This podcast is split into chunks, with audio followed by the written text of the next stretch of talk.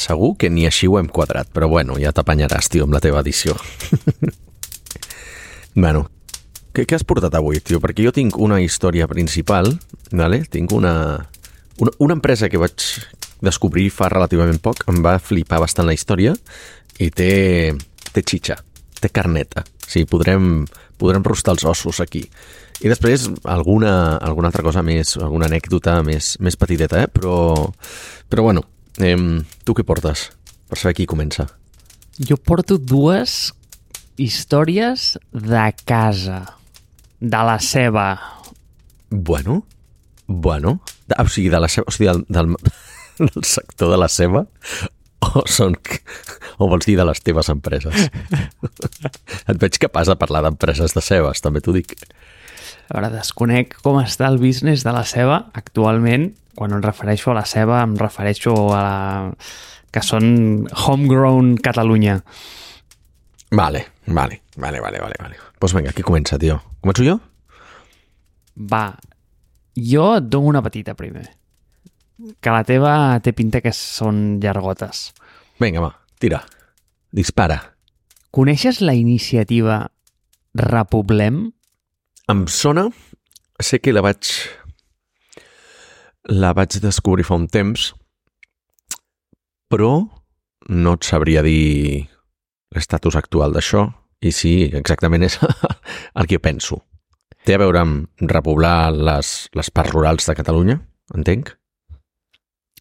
Té a veure i jo tampoc tinc molt clara la resposta a la teva pregunta de quin és l'estatus actual. Jo crec que no ho saben ni els propis creadors de la iniciativa. Mm. És a dir, per una banda, anem a explicar el que és primer. I mira, llegeixo de la única peça de copy que tenen pujada en una web que posa pàgina en construcció. Només li falta el gif aquell del tio que, que pica amb un obrer, saps? Del, de, dels 90. Hòstia, sí, o, o el martell pneumàtic, el martell pneumàtic aquell, sí, dona sí, voltes. exacte, exacte. Només li falta això. Doncs Boníssim. Els gifs de Lycos i de Geosites. diu que Repoblem és una solució efectiva i integral per lluitar contra la mort dels nostres pobles de forma innovadora, sostenible i respectuosa, a través de la creació i integració de comunitats de cohabitatge que ofereixen a joves i famílies a l'entorn al medi rural adaptat a les seves necessitats, valors i revolucionant l'estil de vida actual. Llavors, a mi, després de llegir això, que no em queda gaire clar, això té un domini preciós que es diu repoblem.cat És bonic. i això és una pàgina web que està en construcció. Per tant, no et sabria dir gaire molt. Vale? Llavors, a sota hi ha com els mítics eh, icones on posa eh, i surt com una espècie de campanar, posa campanar, símbol del poble. Eh, llavors, una com una persona, i posa persona, arrelada, connexions, comunitat, no ho sé, és tot molt estrany. Vale? Jo no entenc gaire. És un projecte impulsat per... Hi ha un link que posa eh, Sintròpic i si poses fas hover a sota et dona l'alt de, com de la imatge i poses Sintròpic logo beix. O sigui, és, és el drama, de veritat, eh, vull dir, eh, admiro la seva iniciativa. Si en algun moment necessiten una pàgina web, igual que es posin en contacte amb l'Àlex, perquè ell en fa unes de molt boniques. Però, eh, dit això, tinc un problema amb, amb, amb aquesta iniciativa. El problema que tinc és que té com diferents puntes de llança i no sé com dirigir-me a ella. I això és una crida ciutadana perquè en algun punt m'agradaria participar-hi activament d'alguna forma, eh? Però ara t'explico. Jo entro a la pàgina i no tinc molt bé o molt clar l'acció que cal prendre aquí. Però, per altra banda, em poso a Twitter, o X, no sé exactament com es diu això, i escric Repoblem. I Repoblem és un compte de Twitter. Mal. I dic, fins aquí anem bé. I és un compte actiu. És a dir, hòstia, nano, mm, té vidilla, eh? eh? I quan dic que té vidilla, vull dir que eh, té tuits de fa, bueno, de, de fa hores. És a dir, que està molt activa. Està molt activa aquesta, aquesta compte. 41.000 followers. No, no és, eh, no és moc de gall d'indi, com dirien alguns. Exacte, exacte, no és moc de gall d'indi. I, ostres, està superbé perquè doncs, veus que surten moltes iniciatives, mm, hi ha gent que ven als seus supermercats, hi ha un senyor aquí que ven una botiga d'alimentació ecològica a Solsona, un altre una caseta a Barruera, ei, vull dir, hi han coses, eh? eh hi han fotografies de, de mans d'aquestes desgastades pel sol, no com les nostres que només toquen tecles, amb, no sé, vull dir, rascant terra i pelant tomàquets, o sigui que és guai, però per altra banda, el Linking Bio em porta a una pàgina que es diu lafinestralectora.cat barra repoblem. Llavors jo entro i dic a veure què serà això. I resulta que això és un llibre. I dic, catate, ah, un llibre. Que, per cert, ja l'he demanat. bueno, l'he demanat. És que no compro llibres, Àlex. Jo sempre vaig a la biblioteca. Biblioteques públiques de Catalunya. És fantàstic. Estalvies molts diners perquè bàsicament no costa diners, és gratis. I si no tens eh, problema amb que t'has d'acostar a la biblioteca per agafar-lo, és la millor solució que hi ha en aquest planeta. Eh, no saps quan estic llegint gràcies a, la, a les biblioteques o a la xarxa de biblioteques de, de la Diputació de Barcelona. Perquè funcionen per diputacions, el tema de les biblioteques, però bueno, és un tema per parlar un altre dia. I per cert, un altre, mm, un altre producte que necessita un, un rentat de cara a la seva web, el tema de les biblioteques, però això serà també per un altre dia. pues, això és un llibre d'un tal Ton Lloret Ortínez que va treure un llibre arran del Covid on, on, on bàsicament la idea és molt semblant, però que per altra banda no té cap vinculació amb el repoblem.cat i és com una iniciativa que és un llibre però, però no té continuïtat. Vull dir, al final un llibre és com la cristal·lització dels teus pensaments, els poses allà, però no és una cosa que fomenti una comunitat. En canvi, sembla que la comunitat està com a Twitter, però tampoc està vinculada en aquesta pàgina. Llavors, el producte que et porto és aquest. Primer, perquè em sembla molt interessant aquesta idea de tornar al poble. Jo és una cosa que sempre he viscut, en el meu cap està trencat això. Val? Vull dir, hi, hi ha una cosa en el meu cap que està trencada, de fet n'hi ha dues. La primera és tenir un gos o no tenir un gos. Tinc arguments igual de bons per les dues, per tenir-lo i per no tenir-lo. I el fet de viure a la ciutat o viure en un poble. Sempre és una cosa que en el meu cap mai he sabut treure perquè, per una banda, la ciutat em dona molta vida, i quan dic molta vida, vull dir molta vida social, permet anar a esmorzar amb tu en un esmorzar de forquilla, la varietat de gelats és molt més àmplia, tens accés a un repertori cultural que en un poble doncs, no, no està present en aquest, eh, o no està tan accentuat o magnificat. En canvi, quan hi passo massa temps, em sento pres dintre de quatre parets de ciment i trobo a faltar la natura. Llavors, quan em vaig a la natura, em passa tot el contrari. Em sento extremadament connectat, sóc la persona més feliç del món, fins que començo a sentir-me sol, em falten amics... I quan dic amics, no dic que no pugui fer amics a la muntanya o, a, o al poble, però la... I atenció, eh? quan dic qualitat no vull dir que siguin millors o pitjors, em refereixo com al, eh, a l'afinitat. L'afinitat d'aquesta gent no sol ser tan gran com a la ciutat perquè la ciutat, al haver-hi més mostra, hi ha més probabilitat de que trobis gent que és més afí a tu que que no, no? Llavors, mm, a veure, eh, està molt bé anar a jugar al dòmino al bar, i m'ho passo molt bé, però també em diverteix parlar de, de merdes amb, amb, amb, amb tu esmorzant, no sé si m'explico. Llavors, em costa trobar Àlex a la muntanya, aquest és el meu punt. I, bueno, doncs, en fi, doncs la meva eh, identitat navega entre dos mons absolutament fragmentada sense tenir molt clar quina és la bona perquè tinc arguments igual de bons per les dues. Eh, per tant, no ho tinc clar. Hòstia. Llavors repoblem, repoblem em sembla una bona iniciativa perquè seria la mítica cosa que jo em tiraria a la piscina i aniria demà, però per l'altra banda sé que al cap de sis mesos se'm cauria la llagrimeta i voldria pues, eh, un gelat del paral·lelo i eh, anar a veure eh, una exposició en un museu, per dir alguna cosa. Home, des de... Sé que fa uns anys, jo me'n recordo perquè des de la...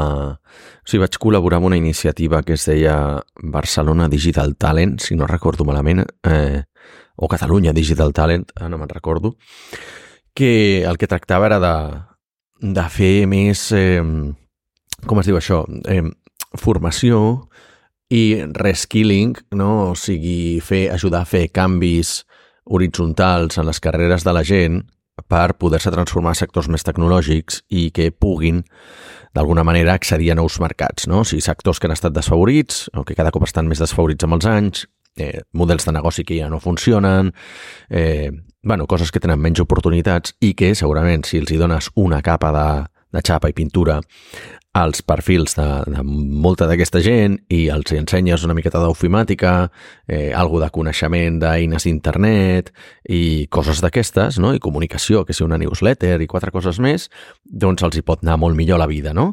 I, i estava bé la iniciativa, no sé en què va quedar, perquè jo me'n vaig acabar sortint perquè al final doncs, això estava... Crec que havia involucrat el Mobile World Capital, Acció i no sé qui més, i recordo moltes, moltes reunions per no dir res, o sigui, molt, molt corporate tot plegat. Però una de les iniciatives derivades que va sortir d'això era molt similar al reproblem aquest, i per això igual m'he confós, eh? que era precisament el de fomentar el treball en remot, o sigui, el d'ajudar a molta gent a que puguin esdevenir programadors, programadores o, feines que es poden desenvolupar en, en entorns remots perquè puguin tornar cap a, cap a les zones més rurals de Catalunya no? i repoblar una miqueta els, uh, aquestes zones. I me'n recordo que des de Marspace vam arribar a llançar una proposta per, fer, per ajudar en aquest projecte, però, però no, son, no se'ns va escollir nosaltres, no? I, i hòstia, a mi és, ho trobo una iniciativa molt romàntica i, però que li faria falta molta més empenta que un simple advisory board de tres o quatre persones que treballen remot i són tecnològiques, no? O sigui, cal molt, molta més coordinació de sector públic o privat i, d'alguna manera, una certa viralitat que no potser tampoc han aconseguit els de Repoblem, tot i que he d'admetre que m'ha sorprès molt el, el compte de Twitter i per mi és un gran exemple de MVP que funciona, no? de producte mínim viable, és a dir, no et cal tenir una puta web, si tens un Twitter amb el que pots articular totes les propostes que t'arriben i no has arribat al punt de que amb el Twitter no pots solventar-ho tot, o sigui, no és encara suficientment painful com per haver de construir un producte barra empresa barra plataforma, eh, és una bona manera de conduir aquest tipus d'iniciatives. Per tant, eh, no sé, les meves benediccions al, al, al compte de Twitter aquest i si necessiten una web, doncs ja, mira, ja, ja en parlarem, no? Però, però segur que s'ho poden, poden manegar molt bé perquè tenen, tenen un bon xiringuito aquí muntat.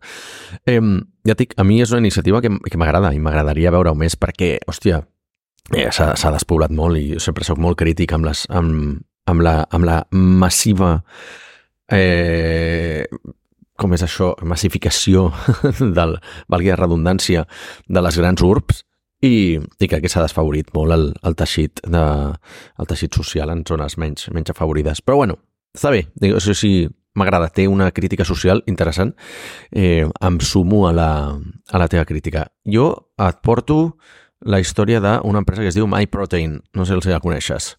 Sí que la conec. Ja hi som. Me cago en Déu. No en sóc usuari. Hosti, però, però de què la coneixes, tio? Com pot ser que coneguis totes les coses que, que hi ha a internet? No sé la història, però no sé la història, no sé la història. Hi ha alguna cosa que no saps? A veure, sí, hi ha moltes coses que no sé, però soc, ja saps que sóc un tio curiós. O sigui, si em preguntes qui és el fundador de MyProtein, doncs no sé qui és, val? no ho sé, no el conec. Sí, què coneixes de l'empresa? Vale. Bé.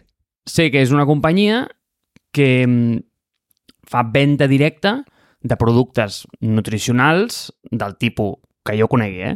Venen polvos d'aquests de proteïna, barrites d'aquestes de proteïna, venen pan d'este proteico, 30.000 menjars mm, en base a proteïna super healthy que te'ls menges eh, i et converteixes en 3 dies en Superman fins que tu ens compte que és tot una estafa i que no vol per res. Llavors, mm, et regalen el mític shaker aquest de Gimbro, eh, tu vas pel món pensant que tens superpoders fins que l'únic que al final dones compte que tens és una pedra al ronyó. Ja està. O sigui, és, és, bueno, és, és aquest tipus de productes que...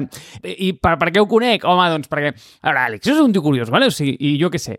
Com, vaig, com la vaig conèixer? La vaig conèixer fa molts anys, però molts. I va ser quan treballava a Ironhack, hi havia eh, molta gent del bootcamp que anava al gym de davant i molts portaven com el shaker aquest i, i molts anaven amb el shaker aquest de, de MyProtein. Val. I, i saps allò, ho mires i dius, hòstia, què, què collons deu ser això? I, i el primer que fas és ficar a Google MyProtein i crec que allà, eh, allà em vaig quedar, vull dir, sense més, eh? Però de...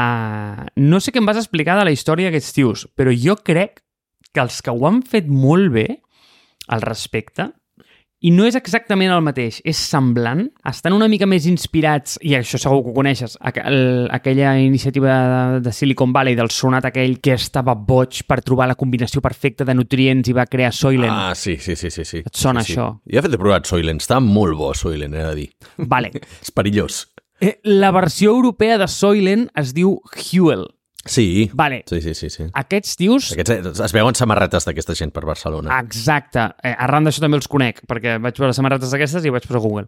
pues, els, de, els de Soylent no, els de Soylent, ui no, aquests sortien a TechCrunch. Però Mm. eh, no sé per què t'estava dient això. És, és igual, has fet un bon resum, eh? De, És igual, explica'm MyProtein. has, fet, has fet un bon resum, o sigui, que has fet un bon resum del, diguem, de la, de, del timeline, no? de la història de, de com va la vida d'un gimbro i crec que sí, crec que és interessant. O sigui, a nivell de productes, això.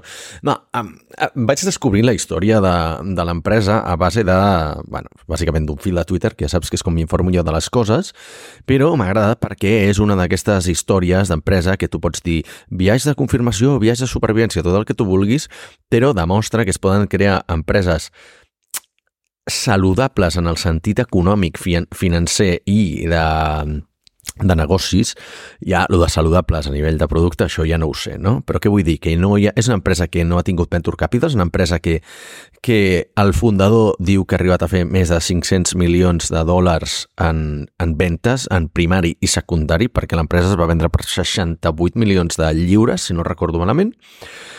Eh, no sé com arribes a 500 milions eh, si l'empresa s'ha venut a, a 70, eh, com arribes a 500 amb secundaris. Però bueno, saps? Eh, això ja ens, ja ens ho explicarà el col·lega perquè estic intentant que mm, vingui al, al podcast de Mars Base.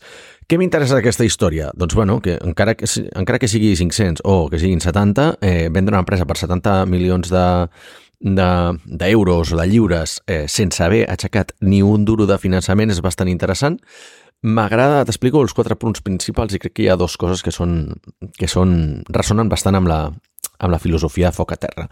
La primera és que el tio comença des de des de des d'un pis, no? una miqueta com la compta de Twitter aquesta de Repoblem, diu que el tio estava en un pis de lloguer i que va començar a operar allà i allò era la seva oficina, era el seu gimnàs, era el seu magatzem, realment era és la típica història que m'imagino una persona vivint entre caixes, eh, molt plàstic, eh, ordinadors i moltes pantalles i moltes comandes d'Amazon, i segurament alimentant-se a base de, de ramen, però el que m'agrada és, doncs, la, segurament la, la narrativa de la resiliència que té de dir, bueno, vaig fundar aquesta empresa sense mentors, sense cofundadors, sense inversió, sense carrera, sense estudis, no? Aleshores, a veure, aquí hem tractat molts cops el tema d'empreses que no aixequen inversió. Bueno, pots venir d'un background molt privilegiat i no et cal aixecar inversió perquè tu mateix pots fotre un milió d'euros a l'empresa si has venut una empresa anterior. No, aquesta persona clarament no venia d'aquí, diu que més estava, estava tenint doncs, ajudes de l'Estat, no? no eh, no sé si tenia ajudes tipus menjador, històries d'aquestes i no sé com se li va il·luminar per poder fer aquest tipus de,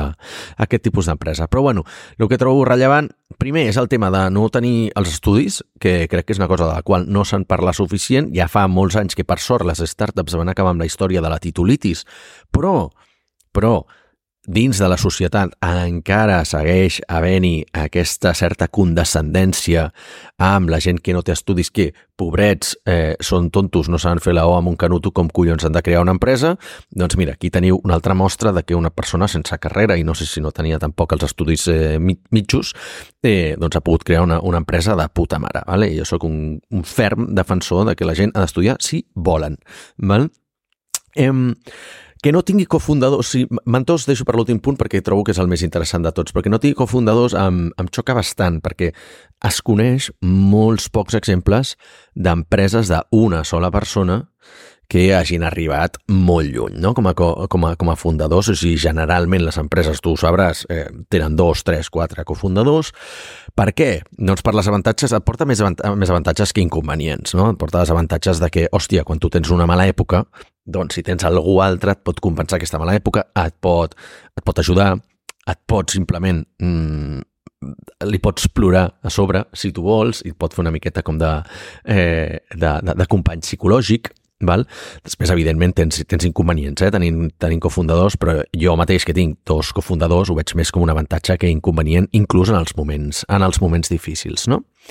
Però sí que és veritat que quan explica la seva història, aquest senyor parla molt de, hòstia, és que quan causen un forat, o sigui, quan causa una època d'aquestes dolentes, es fa molt llarga. Jo m'imagino que eh, ha de ser molt complicat quan tens èpoques dolentes en una empresa passar-les sol perquè ja eh, passar-les acompanyat segons com pot ser molt complicat, imagina't passar el sol, ¿vale? Aleshores, hot takes, vale? o sigui, opinions fortes d'això, vale? perquè no... El viatge, més o menys, és la típica empresa, doncs, com dius tu, no? és una empresa que, que fa venda directa a consumidor, amb la qual pots imaginar que comença a fer ventes amics, li comença a anar bé, és un producte que al final doncs, te'l paguen i tu després l'envies, amb la qual doncs, tens el, el, el cash, el tens per avançat, tens un marge bastant alt, comença a fer diverses línies de producte, algunes amb més marge que altres, és una empresa que s'ha autofinançat. Fins a... I aleshores, doncs, això, d'alguna manera, l'únic eh, diguem, les úniques palanques que has de trobar sempre són les de com escalar això fer-ho més eficient i, home, al final doncs, ha acabat eh, amb, a, a creant llocs de treball i tenint més gent, no? Però, però m'agraden tres o quatre coses que voldria comentar uh, tu. Doncs un ja l'he comentat, que és el tema de ser solo founder, que no sé si tu has tingut alguna experiència al respecte o no, però és una puta merda i és una de les raons per les quals els meus projectes eh, paral·lels no, no acaben sortint mai. Per què? Perquè els faig sol. I com jo sempre dic, soc una persona que em, em va molt bé quan acompanyo altra gent, però quan faig coses sol són una puta merda i no s'acaben llançant mai. Segona, i aquesta per mi és la més, la, la més bona de totes, eh? ens podem parar aquí una estoneta si vols, que assegura que els mentors són per gent privilegiada. Val? Diu, la majoria de gent no coneix gent important en el món dels negocis si ets un outsider. Val? O sigui, s'ha idolatrat molt la teoria aquesta de que tothom ha de tenir mentors i que, hòstia, és molt important que siguis, et facis com a amic d'alguna persona que ja té, porta molts anys en el món dels negocis i que, i que puguis anar a fer un cafè amb ell o dinar, el que sigui, tal, tal, tal. La realitat és que això està molt bé si ton pare és el puto CEO de Repsol i el, doncs, té un amic que et pot aconsellar, saps? I que li pot passar al teu fill perquè quan criguis la seva empresa doncs li faci de mentor.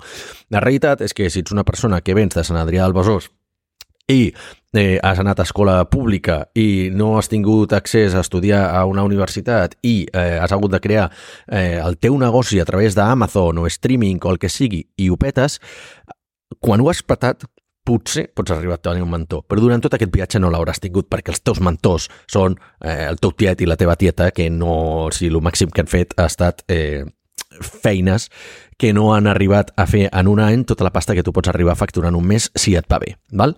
Aleshores, dit això, um, jo aquí tinc l'opinió que no, o sigui, no havia caigut mai en aquest tema, però trobo que és veritat que el tema dels mentors, tot i que no és una cosa essencial, perquè jo no en tinc, per exemple, és una altra mostra de que de que potser és una cosa per privilegiats, eh, trobo que també té un cert sostre de cristall no? per, la, per la gent que, que ve de fora. I m'agradaria donar veu i visibilitat a tota la gent que no té mentors i li ha anat bé a nivell de negocis, perquè em trobo molta gent que em ve demanant mentories com si fos una cosa que necessites per, per tirar endavant la teva empresa, com si fos el logo o la pàgina web, saps? I no és veritat, o sigui, tu pots tirar endavant molts negocis sense mentors. Fins aquí, què tal? Tinc, tinc un parell de punts més. A veure, estic molt d'acord amb moltes coses. Primer, en què començar una cosa des de zero és un drama. Jo tampoc ho he aconseguit mai. Sol, vols dir? Sol, exacte. Perdona, perdona, perdona. Sí. No volia des de zero, vull dir sol. És a dir, sí, des sol des de zero. Vull dir, sense l'acompanyament d'algú. Perquè el que tu dius, eh? Menjar-te tots els marrons que jo m'he menjat muntant coses amb gent sol, no sé com ho hagués fet. És que no haguessin arribat mai a bon port. Segur que no. Segur que no. Perquè, a més, has de pensar que això és recíproc, perquè eh, quan l'altra persona també, o una de les altres persones, també cau en un d'aquests moments, s'apoya molt en tu perquè el treguis d'aquell forat, no? En canvi, funciona en les dues direccions i crec que és molt important perquè a més crea molta camaraderia entre els membres fundadors i crec que fa molt equip i crec que és molt important. Perquè quan tu tens un projecte d'aquests, has de fer com l'exercici d'entendre que el que tu estàs fent no li importa a ningú. el fet de que li importi algú igual que t'importa tu fa tota la diferència del món.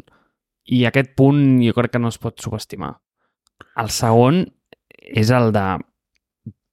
És que el pobre xaval, o sigui, ha marcat tots els xecs per fracassar, eh? És a dir, mm, vull dir, tenia les pitjors cartes que li haguessin pogut donar qualsevol per començar un projecte. I, i per això m'agrada molt la història. No, no, no la coneixia de res, eh? Vull dir, sabia que venien producte per bros, però no sabia exactament quina era la, la història d'aquest noi. I l'altre és el tema dels mentors. Aquí és on... Aquí és on no acabo d'estar d'acord, eh?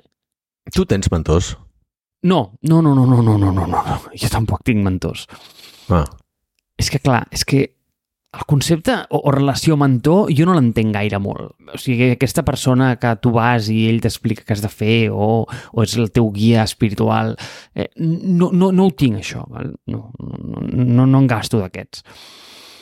Però sí que tinc una altra cosa que crec que tu també tens i que actua d'una manera molt semblant. Jo sempre penso que quan tu comences alguna cosa, funcioni bé o malament, sempre has d'aspirar a aconseguir dues coses, independentment de l'èxit del projecte. I quan dic èxit em refereixo a l'èxit mm, que tu t'hagis eh, centrat com a mètrica d'èxit, eh? ja sigui financer, societari, el que sigui. Eh, has de sortir amb dues coses, que són una millor network i més coneixement. Si al final de cada projecte surts amb millor network i amb millor coneixement, i quan dic network vull dir connexions, que has conegut gent nova, has après maneres de fer coses eh, d'una manera diferent, conegut mm, nous perfils, etc. Si aconsegueixes això, a poc a poc t'estàs tu posicionant en, una, en un plànol d'èxit per futurs ocasions. I a què em refereixo? Jo no tinc mentors, però sí que és veritat que a base de fer això he teixit una sèrie de relacions personals amb molta gent que no és el que tu dius que puc trucar al CEO de Repsol, però sí que si tu em demanes qualsevol merda, sé a, a, a qui trucar i, i sé a qui aixecar el telèfon i dir-li escolta, Tito, em pots ajudar amb això, sisplau? Eh, i, i, I sé que ho faran. I llavors, jo no vaig a ells i sense una excusa els hi pregunto quin creus que és el camí que he de seguir. No, o sigui, no és aquesta la relació que tinc amb, amb aquests, entre cometes, mentors. Ni crec que és la que tu tens, eh? Però la que sí que tinc és aquesta de, bueno, si pel que sigui tinc un problema que jo no sé resoldre, estic segur que conec a la persona que em pot ajudar a fer-ho. I aquesta és, la, és el meu hot take dels mentors. Estan sobrevalorats? Jo crec sí. És a dir, està sobrevalorat com el concepte aquest de, de mentor, guia espiritual... És que saps què passa? Saps què m'imagino quan cada vegada que veig un mentor? Saps eh, eh, la noia aquella de Ceranos, la Elizabeth Holmes? Sí. Sí, sí, que sí. tenia el Kissinger, era veritat? Eh, no, eh, com es No deia? sé qui tenia mentors, però... Va. Quina peça. Ah, no recordo molt bé, però sí, que tenia com aquella red com de gent que, sobre la que s'apoyava i sobre la qual explicava com totes les, eh, les seves visions i bo, etc, etc. pues, això no ho tinc jo, ¿vale? això no ho tinc. Però tinc una altra cosa que és bueno, pues, la capacitat de conèixer una red, no sé si és extensa, però és com molt variada de gent que té coneixements en diferents àrees que em complementa molt bé. Seria això. Home, déu nhi eh? Vull dir que tu generalment eh, lloes molt la meva xarxa, però quan... però sempre cada dos per tres m'estàs presentant a gent que dic, eh, com collons ha arribat el Marc aquí? Però bueno.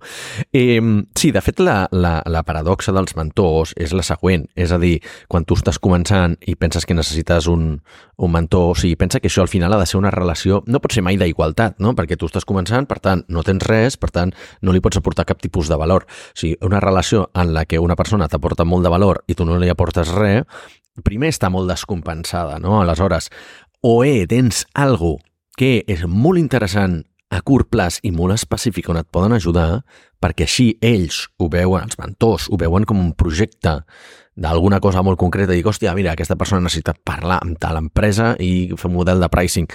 Eh, El puc ajudar en aquesta cosa i ho faré durant molt poc, molt poc temps. O bé, no s'hi ficaran. Per què? Perquè tu ets una sola persona. I com bé dius, la teva empresa t'importa molt a tu, però a tothom li importa una puta merda. Val? I quan abans te n'adonis d'això, més fàcil o més bé t'anirà en el món dels negocis. si tu estàs capficat amb el tema de que la teva empresa és superimportant i que ningú t'entén i no, els mentors no volen estar amb tu o no pots vendre perquè els clients no ho entenen, no treques capital perquè ningú ho entén, el problema el tens tu, no el té el mercat, no? Llavors, clar, què passa? Que els mentors reben 50.000 propostes d'aquestes a la setmana. Val? Aleshores, si jo ja en rebo moltes i no sóc ningú en el món dels negocis, tu imagina una persona que està en el board d'Endesa, Vodafone i coses d'aquestes que segurament deuen, deuen rebre dotzenes, si no eh, centenars de, de, de, de propostes, de mentoria i d'ajudes d'aquestes desinteressades a eh, empreses més petites al mes. Val? Aleshores, clar, o sigui, aquesta, aquesta relació està molt desequilibrada i per això a la gent li costa molt trobar mentors.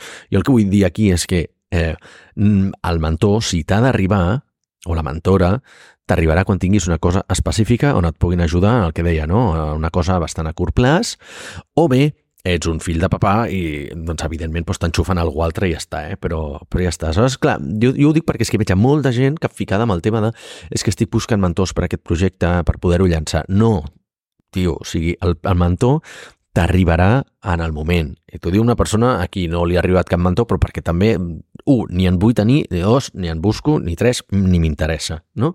Però, si hagués volgut, jo ara ja tinc suficients coses amb l'empresa, perquè d'aquí poc farem 10 anys, en les quals hauria pogut adquirir mentors pel projecte. Per què? Doncs perquè hem passat per episodis de possible venda de l'empresa, perquè hem passat per episodis de pensar en obrir línies de negoci diferents, en potser internacionalitzar i eh, tenir una persona doncs, eh, per fer business development als Estats Units, jo què sé, saps? Molta, o venda enterprise. Aquí són coses molt específiques on sí que pots agafar un mentor que et digui, hòstia, doncs aquesta persona ja ha fet això, val?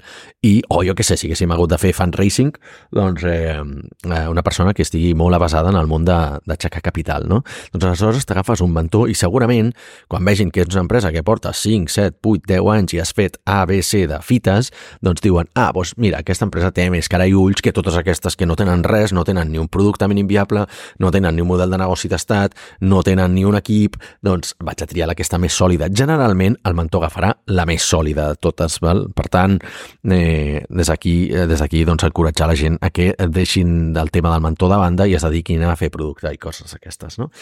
Eh, una altra cosa que trobava interessant d'aquesta història, i si vols ja passem a altres coses, és que sí que hi ha una petita trampa aquí, val? O sigui, persona que s'ho ha fet tot, sí, però és una persona que tenia coneixements de desenvolupament. No era desenvolupador, va aprendre a desenvolupar, però és veritat que al final, si t'hi fixes, hi ha una forta correlació entre les empreses que han fet bootstrapping, no? les empreses autofinançades i que els hi ha acabat anant bé, i que no han necessitat un equip, amb gent que ve d'un perfil tècnic o bé se l'han creat ells. Val? Cada cop conec més gent eh? que diu ara mateix tenim un client a Marsbase que són penya que venien del món dels negocis i van dir no vull dependre de desenvolupadors, aprenc jo a programar. Són molt mals programadors, però és veritat que s'han pogut fer un prototip i amb això han aixecat uns calés, han tingut una subvenció del tal, però... I dius, ole tu. O sigui, aquesta resiliència, aquesta, aquesta, aquesta afany d'autosuperació ajuda molt i és veritat que aleshores potser estem aquí tancant-nos al món sempre un altre cop en la bombolla tecnològica aquesta, però és veritat que una persona que no venia tampoc del, del món del development, eh? o sigui, que ha après, ha après ella a programar i, i això, tant tu com jo ho sabem, doncs t'obre moltes portes. Tens alguna altra cosa o...?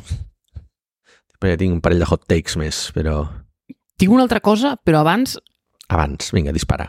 Vull posar el dit a la llaga sobre un dels punts que has fet. Vinga perquè tinc aquí una altra dissonància cognitiva molt gran. Val. Hosti, és que hi ha tantes...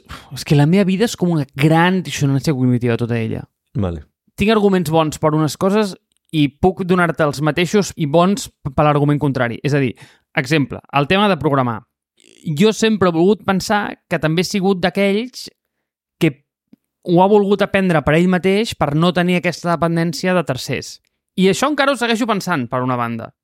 I moltes vegades peco d'això, no? Mm. D'intentar com fer coses que no se'm donen bé o dels quals jo no sóc bo, però bueno, tornant al que comentava abans, intento pensar, bueno, Marc, si surts d'aquí tenint millors connexions i més coneixement, en aquest cas sempre serà el segon, perquè estaràs una mica solet programant, serà suficient. Segur que serà positiu i serà productiu.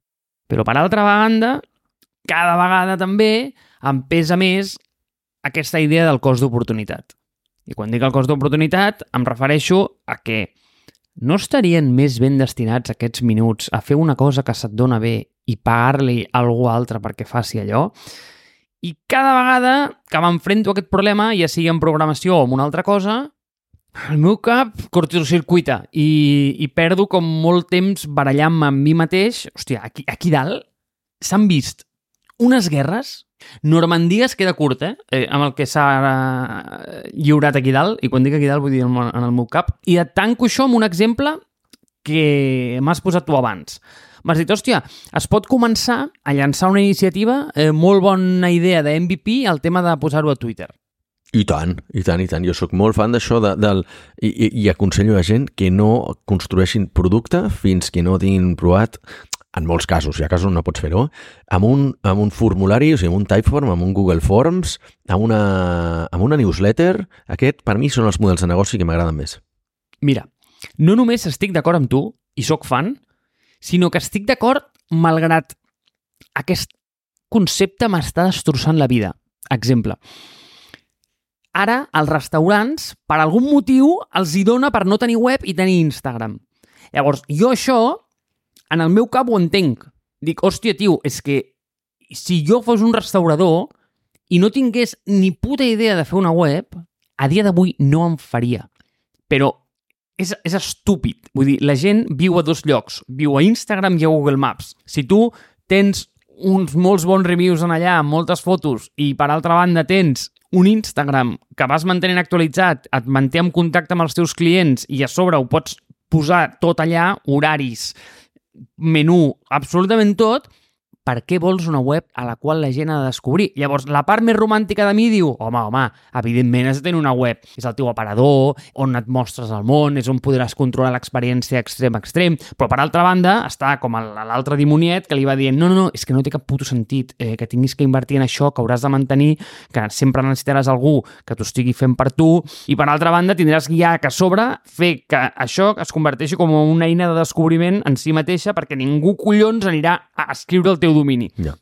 Llavors, no sé, Àlex, diu, la meva vida està com trencada entre, entre aquestes coses. És el mateix que anar a viure a la muntanya o quedar-me a la ciutat, eh, o aprendre a programar o contractar algú perquè ho faci directament. Bé, hi, ha una, hi, ha, hi ha una altra cosa, eh, que també, sí, sí, el, això del restaurant res, un petit apunt, vull dir, si ara et mous cap a Instagram i demà serà una altra cosa, eh, estàs oblidant una part essencial del tema dels negocis, que és tenir una llista de la teva audiència, no? els contactes. A dir, tu ja no coneixes qui són els teus contactes perquè a Instagram no tens els seus e-mails, bàsicament.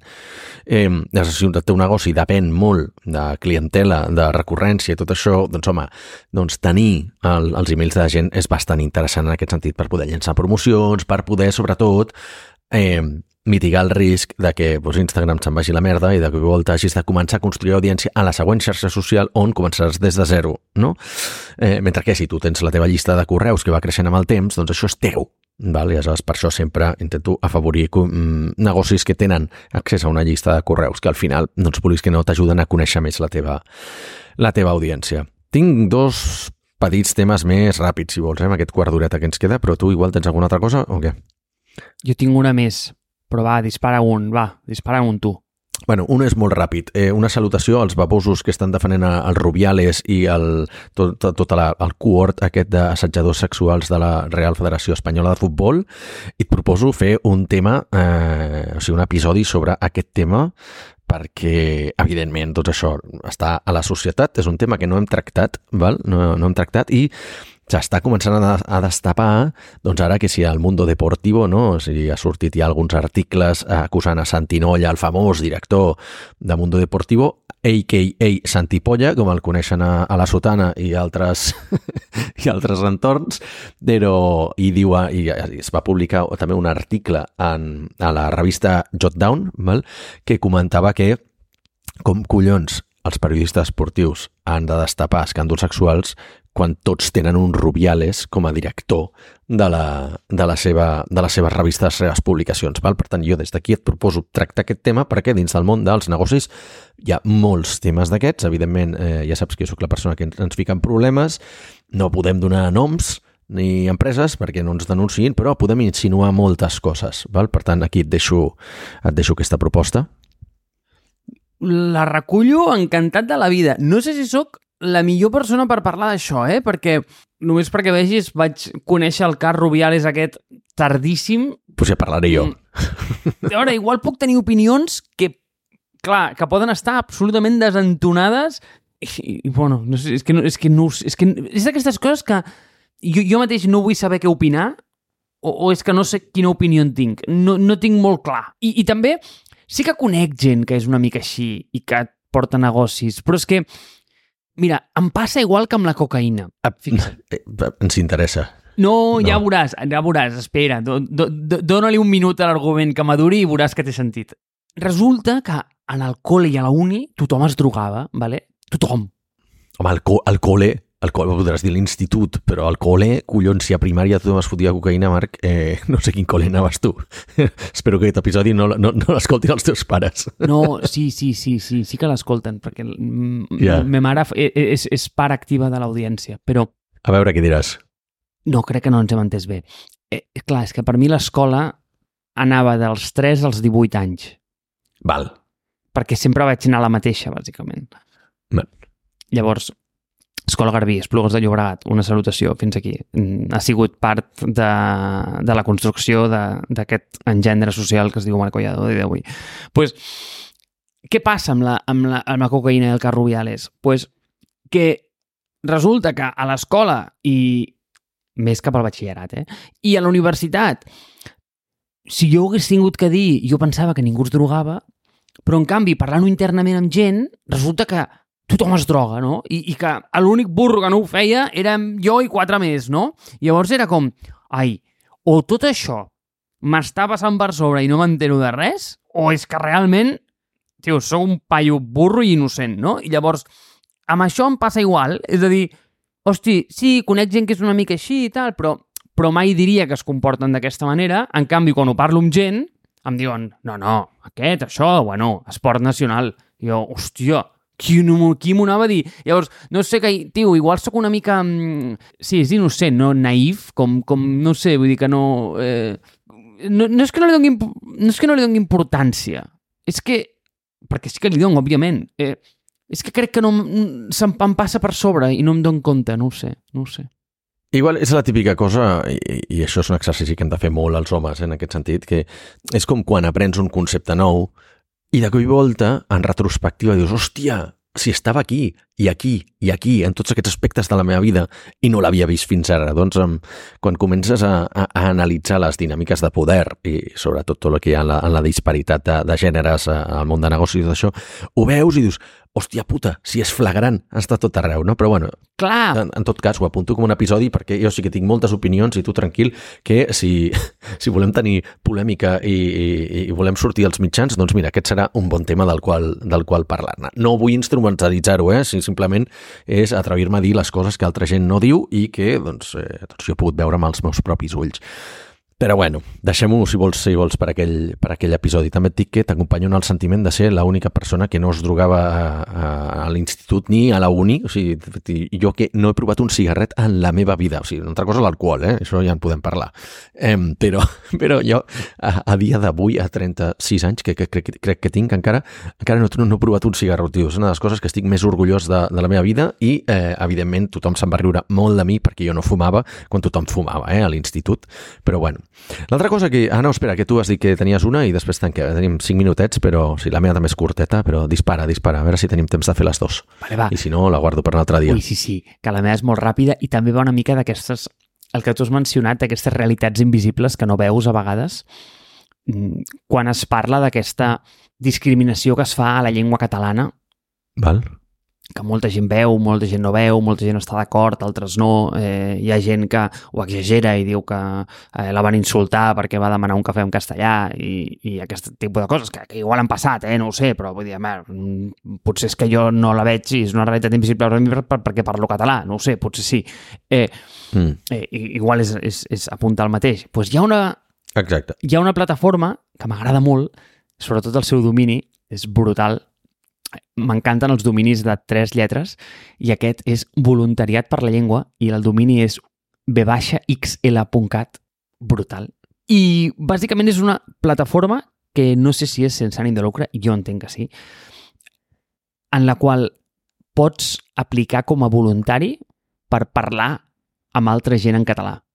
I has de posar un petit commitment d'hores, no, no cal que t'hi dediquis professionalment, eh, pots, és molt elàstic, vull dir, pots fer-ho presencialment, pots eh, fer-ho eh, a través d'una videotrucada, i em sembla com una iniciativa super xula per promoure la llengua, mm, ja sigui des d'un punt de, de participació ciutadana i inclús per eh, també conèixer més gent, eh, no ho sé, vull dir, si qualsevol... No sé si això està sota el ventall de la Generalitat, a sota posa Generalitat de Catalunya Departament de Cultura, però la web no té pinta d'estar sota el paraigües de la, de la GN. Així que no tinc ni idea si és una iniciativa privada o no. Mira, dos dels deures que em posaré per aquest episodi seran contactar amb les meves dues aportacions. Aquesta gent de Repoblem, i, i tio, els hi preguntaré què collons foten aquests de Repoblem, perquè és que a la que em torni molt boig, tio, em pillaré una casa per Rovera, eh, t'ho dic en sèrio. I els altres és aquests de la Plataforma per la Llengua.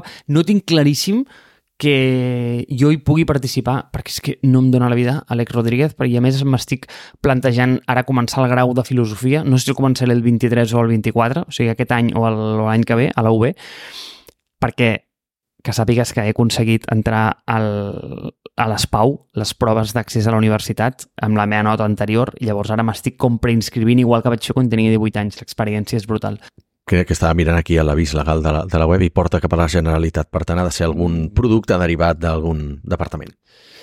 Doncs aquesta és la meva aportació i contactarem aquestes dues iniciatives en nom de Foc a Terra, que això et dona com molt caché a la vida. Sí, això està molt bé. Formar part d'una organització Mm, d'abast mundial, com Foc a Terra, eh, té les seves avantatges. Sí, de fet, eh, el senyor o senyora Amatller, no, a qui has contactat ja per, per un possible patrocini, doncs deu estar ara mateix pensant, o sigui, deu estar nerviós o nerviosa pensant, ostres, ens han contactat de foc a terra, no? Perquè, evidentment, des de la broma que portem fent des de l'episodi 1 que algun dia ens patrocinarà Amatller, que és Amatller, doncs el Marc ja els hi ha llançat un email. Última cosa, eh, rem, els 3 minuts aquests que queden, ha sortit una notícia avui que a mi m'omple de, de, de joia i d'alegria que es veu que Delivery Heroes està eh, intentant van desempallegar de Globo perquè porten acumulades tantes multes, porten més de 400 milions d'euros eh, en multes i eh, que ja és una miqueta la quantitat mm, que havien pagat per adquirir Globo. Tots recordarem que no va ser en cash, sinó que va ser en accions, per tant, és una miqueta un preu una miqueta eteri en aquest sentit, i que a veure si deixem de vanagloriar d'una puta vegada aquesta empresa de merda que eh, és el gran frau de les startups catalanes barra espanyoles, digue-li com vulguis, perquè és que eh, és un altre exemple, com dèiem el Quick Commerce l'altre dia, no d'empresa que té un... Eh, que no aporta res a la societat, sinó que té una, un aport negatiu. Val? Aleshores, clar, o sigui, el Delivery Hero, jo crec que ja els hi està bé, ja sabien a on es ficaven, perquè el sector del delivery eh, doncs és una, una merda, és precarietat laboral i d'alguna manera mm, perpetua aquesta idea equivocada de que qualsevol persona eh, pot pagar algú altre a, a un ésser inferior en classe val? perquè li porti uns condons o unes pizzas a les dues de la matinada. Val? Eh, aquests serfs de la tecnologia, d'alguna manera, s'haurien d'acabar i jo veig, eh, no sé, veig eh, amb, amb, molta, amb molta alegria i eh, profunda satisfacció quan, quan veig que aquest negoci doncs, s'està anant a, a la puta merda i prova de qual, que cada cop queden menys empreses de delivery, totes eh, pateixen del mateix i no estan trobant mm, la manera de fer-ho mm, rendible, perquè evidentment doncs, tenen unes unit economics que no funcionen, la legislació no ho permet, bueno, les legislacions probablement l'única que ho permet és la dels Estats Units perquè ja sabem que no són eh, o sigui, Estats Units en, en nom dels negocis fa crims contra la humanitat del tamany dels dels Emirats Àrabs però evidentment això a la Unió Europea no ha de funcionar i aquí eh, jo li donaria un punt a favor, no? un mini punto, a la, a la Unió Europea per no permetre, o sigui, per, a, per ultraregular aquestes pràctiques tan nocives com a les, les que intenten fer les empreses de delivery i eh, super a favor de la regulació, en aquest cas, sobretot quan es tracta d'empresaris explotadors. Per tant, una abraçada als amics de Globo, eh, esperem que el seu equip directiu d'això, doncs, d'alguna manera, acabi a tribunals perquè és que eh, estan infringint lleis i, i estan fent unes destrosses que, bueno, cada cop s'estan destapant més draps bruts, o sigui que... Mm, Jo amb això em donaria per content l'episodi d'avui. Tu com ho veus? Bueno, que acabem de perdre un altre patrocinador, no? Abans que ens patrocini Globo Marc, eh, faig el podcast en castellà. Mira què et dic.